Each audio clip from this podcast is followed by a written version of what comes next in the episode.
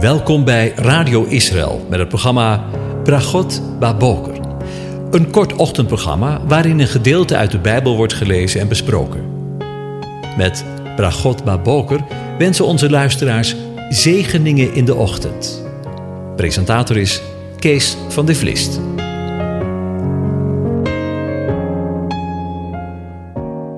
Bokatov, goedemorgen beste luisteraars. Het is vandaag Yom Kippur of Grote Verzoendag, ofwel de dag van de vergevingen, en wordt als de belangrijkste dag beschouwd in het Jodendom. Het was de ene dag in het jaar dat de hoge priester het heilige der heiligen in de tempel in Jeruzalem mocht binnengaan, om verzoening te doen voor het volk. Op deze belangrijkste feestdag voor het Jodendom komt het verzoeningswerk dat vooruitwijst op de dood van de Messias tot verzoening van jou en mijn zonde heel duidelijk naar voren. Op Yom Kippurim of Yom Kippur of Grote Verzoendag worden de Joden jaarlijks herinnerd aan de noodzaak van verzoening tussen mens en God en tussen mens en medemens. De Bijbel maakt geen duidelijke verbinding tussen Yom Kippur en specifieke historische gebeurtenis, zoals met Pesach het wel het geval is. In Leviticus 16 lezen we over de grote verzoendag, de enige dag in het jaar dat de mens, en dan alleen de hoge priester, in het heilige der heiligen mag binnengaan om bloed, bloed te sprenkelen. Grote Verzoendag is de meest belangrijke en ernstige vastendag van het Joodse jaar. Het is de grote jaarsabbat. Deze dag moet in volstrekte rust en onthouding worden doorgebracht. Je mag op die dag geen enkele bezigheid verrichten, absolute rust en volledig vasten. Deze zeer strenge regels beklemtonen het wezenlijke principe dat de mens op geen enkele manier tot zijn verzoening kan bijdragen. Het is slechts op grond van het verzoeningswerk van de Messias dat wij weer toegang hebben tot God. Ik denk dat het goed is voor verder gaan om Leviticus 16 te lezen, waar we over deze grote verzoendag ook lezen. Ik lees het aan je voor. De aanwezige sprak tot Mozes na de dood van de twee zonen van Aaron, toen ze voor het aangezicht van de aanwezigen waren genaderd en gestorven waren. De aanwezige zei tegen Mozes: Spreek tot uw broer Aaron en zeg dat hij niet altijd in het heiligdom binnen het voorhangsel mag komen voor het verzoendeksel dat op de ark ligt, opdat hij niet sterft, want ik verschijn in een wolk op het verzoendeksel. Alleen hiermee mag Aaron het heiligdom binnengaan, met een jonge stier, het jong van een rund als slachtoffer en een ram als brandoffer. Hij moet het heilige linnen onderkleed aantrekken en een linnen broek moet over zijn onderlichaam zijn. Hij moet een linnen gordel ombinden en een linnen tulband omwikkelen. Het is heilige kleding. Hij mag die pas aantrekken nadat hij zijn lichaam met water gewassen heeft. Van de gemeenschap van de Israëlieten moet hij twee geitenblokken nemen als zondoffer en één ram als brandoffer. Dan moet Aaron de jonge stier aanbinden als zondoffer dat voor hem bestemd is en voor zichzelf en zijn gezin verzoening doen. Hij moet de beide bokken nemen en die voor het aangezicht van de aanwezigen plaatsen, bij de ingang van de tent van ontmoeting. Aaron moet namelijk het lot over de twee bokken werpen. Eén lot voor de aanwezigen en één lot voor de weggaande bok. Dan moet Aaron de bok waarop het lot voor de aanwezigen gevallen is aanbieden en hem als zondoffer bereiden. Maar ook de bok waarop het lot is gevallen om weggaande bok te zijn. Hij moet levend voor het aangezicht van de aanwezigen geplaatst worden om ermee verzoening te doen door hem als weggaande bok de woestijn in te sturen.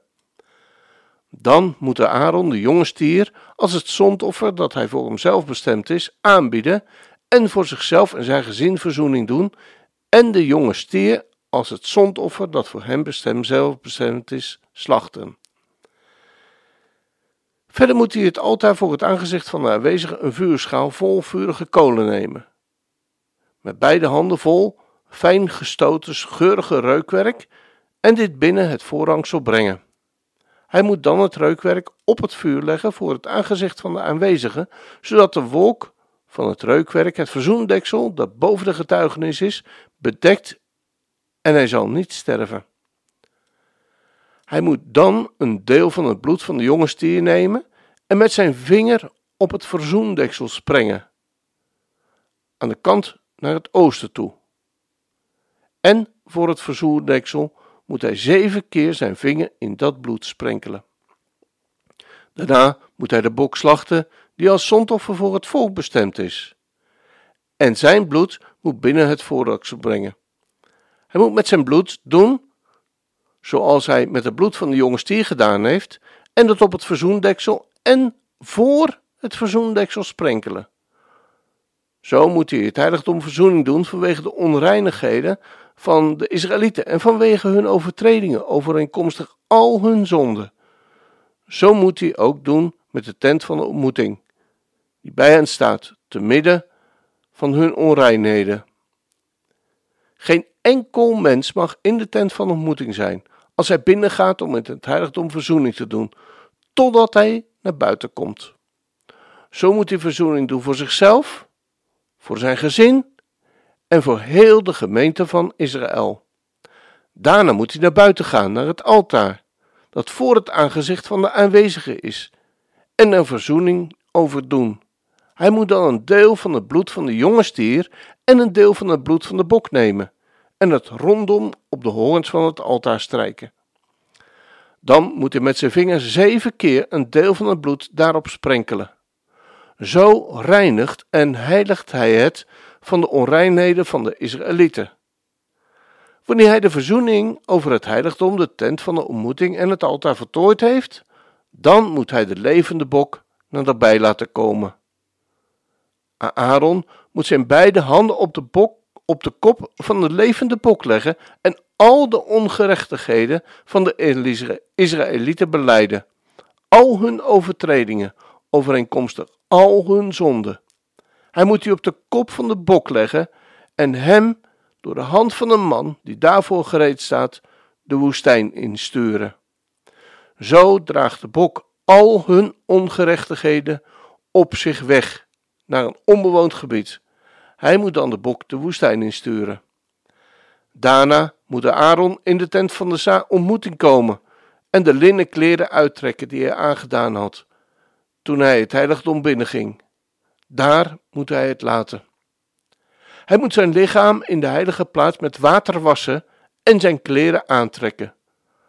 Dan moet hij naar buiten gaan, zijn brandoffer bereiden met het brandoffer van het volk en voor zichzelf en het volk verzoening doen. Ook moet hij het vet van het zondoffer op het altaar in de rook laten opgaan. Hij die de weggaande bok heeft weggestuurd, moet zijn kleren wassen en zijn lichaam met water wassen. Dan mag hij in het kamp komen. De jonge stier voor het zondoffer en de bok voor het zondoffer, waarvan het bloed in het heiligdom is binnengebracht om verzoening te doen, moet men buiten het kamp brengen. Hun huiden, hun vlees en hun mest moeten zij met vuur verbranden. Hij die ze verbrandt, moet zijn kleren wassen en zijn lichaam met water wassen. Dan mag hij in het kamp komen. Dit is voor u tot een eeuwige verordening. U moet in de zevende maand, op de tiende dag van de maand, uzelf verootmoedigen en geen enkel werk doen, de ingezetene niet, de vreemdeling die in u binnen verblijft, evenmin. Want op deze dag wordt voor u verzoening gedaan, om u te reinigen. Van al uw zonden wordt u voor het aangezicht van de aanwezige gereinigd. Het is voor u een sabbat, een dag van volledige rust, opdat u uzelf verootmoedigt. Dit is een eeuwige verordening. En de priester, die men gezalfd en gewijd heeft om de plaats van zijn vader als priester te, dienen, moet de verzoening doen. Als hij de linnen kleren, de heilige kleren heeft aangetrokken. Zij moet, zo moet hij het heilige heiligdom verzoenen. De tent van de ontmoeting en het altaar moet hij verzoenen. En hij moet voor de priesters en voor heel het volk van de gemeente verzoening doen. Dit is voor u tot een eeuwige verordening, om voor de Israëlieten eenmaal per jaar verzoening te doen voor al hun zonden. En men deed zoals de aanwezige geboden had. Ja, we zullen de betekenis van Yom Kippur hierna doornemen en het is vergelijken met het werk van Joshua, de Messias. In Leviticus 16, vers 5 lezen we: Van de Israëlieten moet hij twee bokken voor het reinigingsoffer in ontvangst nemen en een ram voor het brandoffer. Deze tekst duidt duidelijk op de middelaar tussen de mens en de Vader. God gaf het priesterschap aan Israël en verlangde van Israël dat zij een natie zouden zijn van middelaars tussen hem en de rest van de wereld. Ze moesten hem dan wel gehoorzamen. Zo lezen we in Exodus 19, vers 5 en 6. Alleen Jehoshua, als vertegenwoordiger van het volk Israël, is in staat om Gods woord volledig te gehoorzamen. Hij is dus de lang verwachte middelaar, zoals we lezen in 1 Johannes 2, vers 1. Mijn kinderen, ik schrijf u deze dingen opdat u niet zondigt. En als iemand gezondigd hebt, wij hebben een voorspraak bij de Vader, Jezus Christus, de rechtvaardige.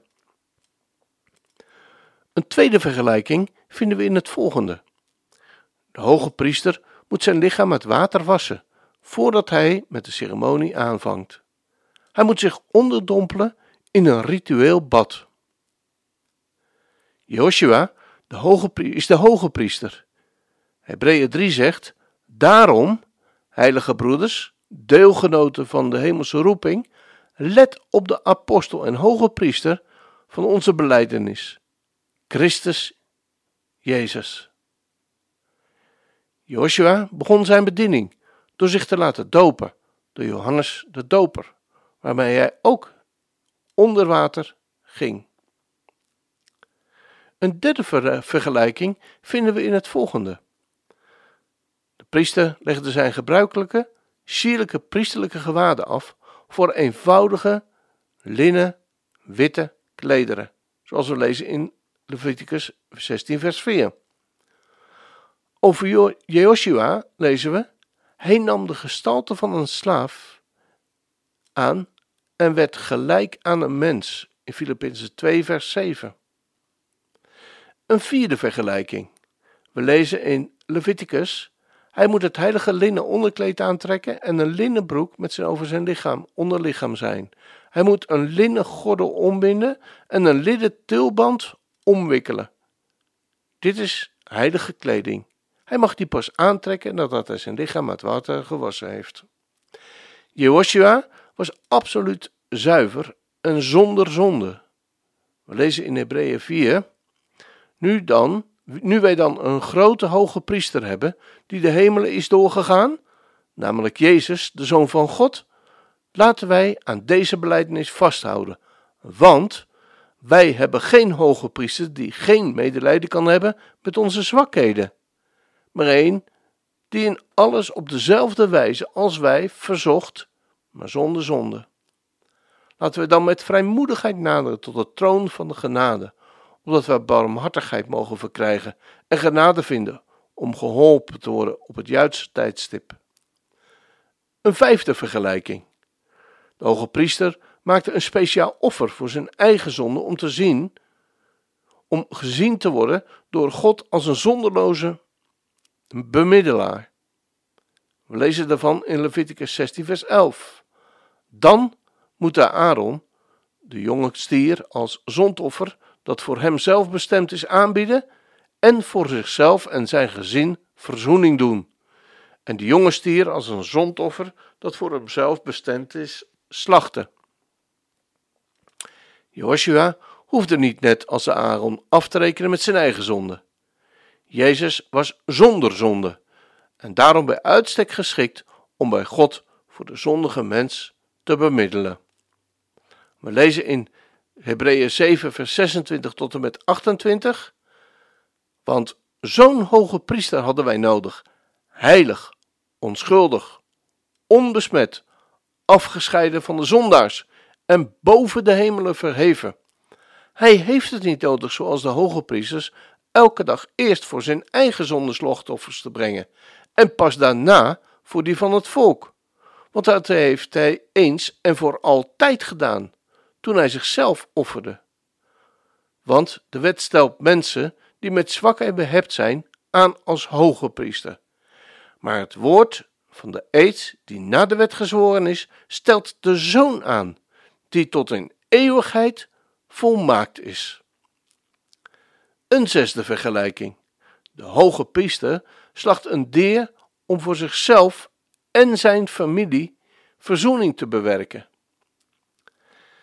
Maar we lezen in Leviticus dan, dan moet Aaron de jonge stier aanbieden als zoenoffer, als zondoffer, dat voor hem bestemd is en voor zichzelf en zijn gezin verzoening te doen. In onder andere Jeremia 31 lezen we over het gezin van Joshua. We lezen daar: Onder geween zullen zij komen, onder smeekbeden zal ik hen leiden. Ik zal hen doen gaan naar waterbeken, op een rechte weg, waarop zij niet zullen struikelen. Want, daar gaat het me om, ik ben Israël tot een vader en Ephraim mijn eerstgeborene is hij. En in Matthäus horen we Joshua zeggen, want wie de wil van de Vader doet, die in de hemelen is, die is mijn broeder, mijn zuster en mijn moeder. Dat is uiteindelijk ook familie. Een gezin. Een zevende vergelijking. Er is in Leviticus sprake van een zondoffer en een brandoffer. Een zondoffer brengt verzoening tot stand. Twee bokken maken deel uit van het zondoffer. De eerste bok staat voor genoegdoening en de tweede voor plaatsvervanging. Genoegdoening is dat wat God nodig is dat wat voor God nodig is in het verzoeningswerk. Het herstellen van Gods eer. Plaatsvervanging is dat wat in het verzoeningswerk voor het volk nodig is. In 1 Petrus 2, vers 24 lezen we: Die zelf onze zonde in zijn lichaam gedragen heeft op het hout, opdat wij, door voor de zonde dood, voor de gerechtigheid zouden leven. Door zijn striemen is, bent u genezen. De tweede boek is profetisch, ook een toepassing op de komende grote verzoendag met betrekking tot het overblijfsel van Israël. Het brandoffer is een dankbetuiging, een teken van liefde voor en volkomen toewijding aan God. Overigens was ook Jezus het perfecte brandoffer. Hij offerde zijn leven. In Hebreeën 10, vers 5 tot 10 lezen we: Daarom zegt hij bij zijn komst in de wereld: Slachtoffer en graanoffer hebt u niet gewild, maar hebt voor mij een lichaam gereed gemaakt. Brandoffers en offers voor de zonde hebben u niet behaagd. Toen zei ik: Zie, ik kom. In de boekrol is over mij geschreven: Om uw wil te doen, o God. Daarvoor had hij gezegd: slafoffer en graanoffer en brandoffers en offers voor de zonde hebben u niet gewild en ze hebben u niet behaagd. Hoewel ze eenkomstig de wet worden, worden gebracht. Daarna sprak hij: Zie, ik kom om uw wil te doen, o God. Hij neemt het eerste weg om het tweede daarvoor in de plaats te zetten. Op grond van die wil zijn wij geheiligd door het offer van het lichaam van Jezus Christus. Eens en voor altijd gebracht. De, een achtste vergelijking. De weg naar de heilige ruimte was achter het voorrengsel was destijds slechts eenmaal per jaar voor een mens toegankelijk en dan slechts alleen voor de hoge priester. Daarover staat: Dit is voor u een eeuwige verordening. U moet in de zevende maand, op de tiende dag van de maand, dus dat wordt heel precies gezegd, uzelf verootmoedigen en geen enkel werk doen.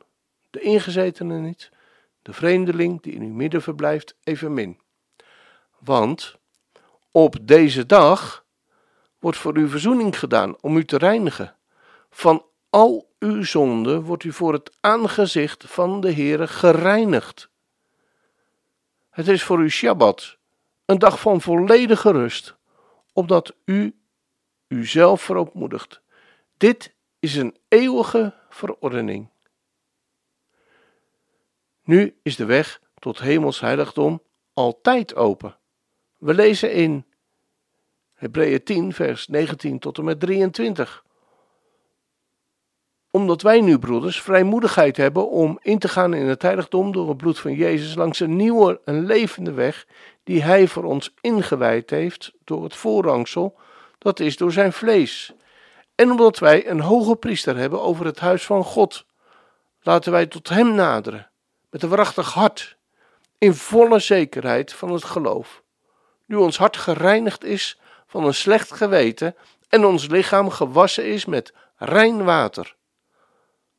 Laten wij de beleidenis van de hoop onwrikbaar vasthouden, want Hij die het beloofd heeft, is getrouw. Een negende vergelijking.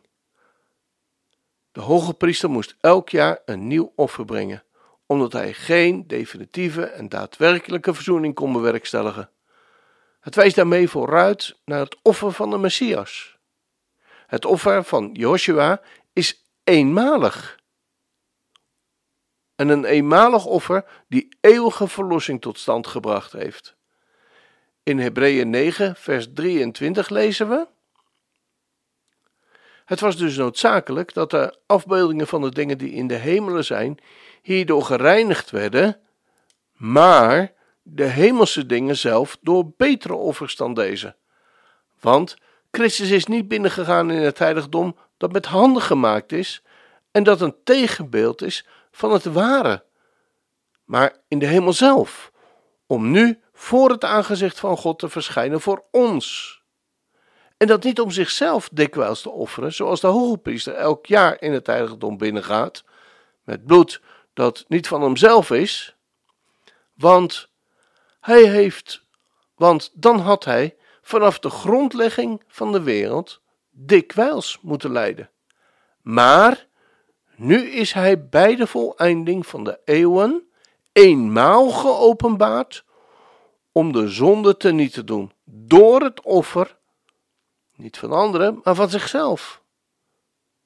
En zoals het voor de mensen beschikt is dat ze eenmaal moeten sterven en daarna het oordeel volgt, zo zal ook Christus, die eenmaal geofferd is om de zonde van velen weg te dragen, voor de tweede keer zonder zonde gezien worden door hen die hem verwachten tot zaligheid. Als dat geen zegen is, we gaan luisteren naar een bijzonder lied. Kol alle geloften. Op de avond Yom Kippur vindt de Kol dienst plaats. In het Kol gebed wordt spijt betuigd over de verkeerde daden die het volgende jaar ten opzichte van de schepper zijn begaan. Naar het uh, Nederlands vertaald luiden de woorden zo: We hebben spijt van alle afspraken, overeenkomsten, geloften, vervloekingen die we hebben uitgesproken. Mogen zij van deze Yom Kippur tot de volgende Yom Kippur beschouwd worden als afgeschaft, vergeten, vernietigd en ontbonden mogen de afspraken niet meer als afspraken gelden, de overeenkomsten niet meer als overeenkomsten en de gezworen eden niet als eden. Er zijn bijna talloze uitvoeringen met een heel orkest. Maar...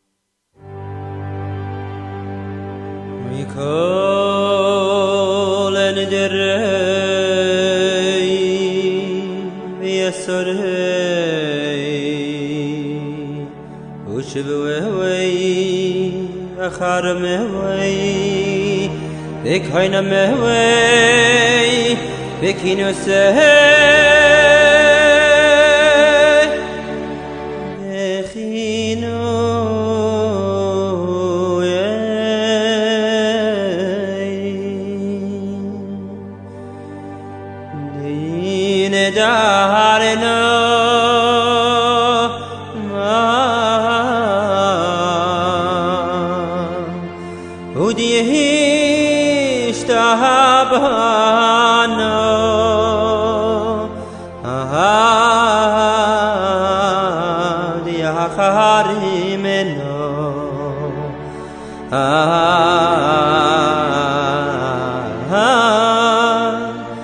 ودي سارنا على نفس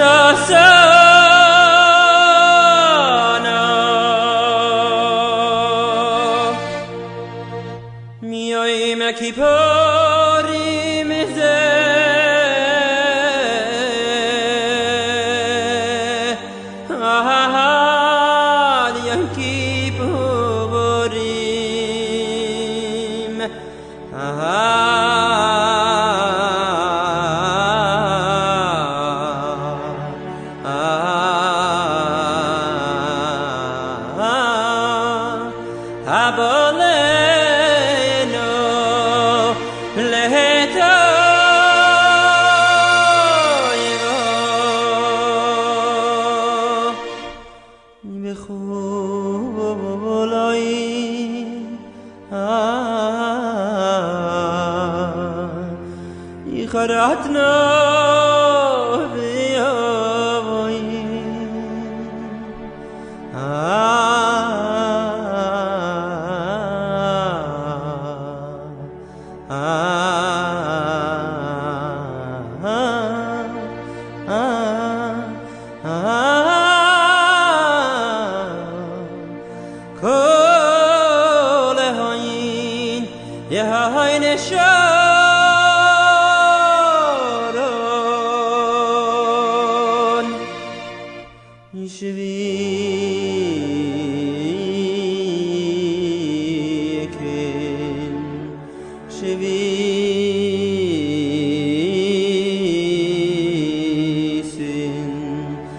vitelin me votali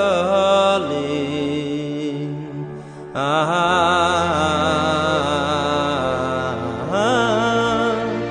in la sheri erin kayo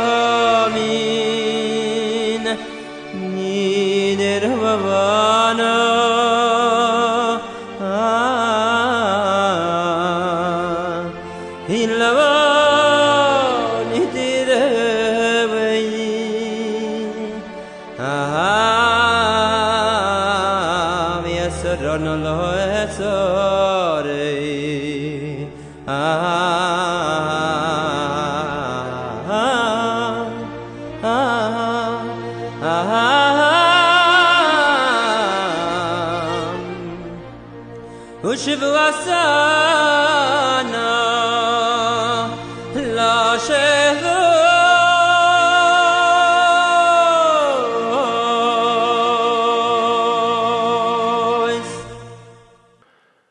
Tja, indrukwekkend. Ik wens je een van God gezegende dag toe.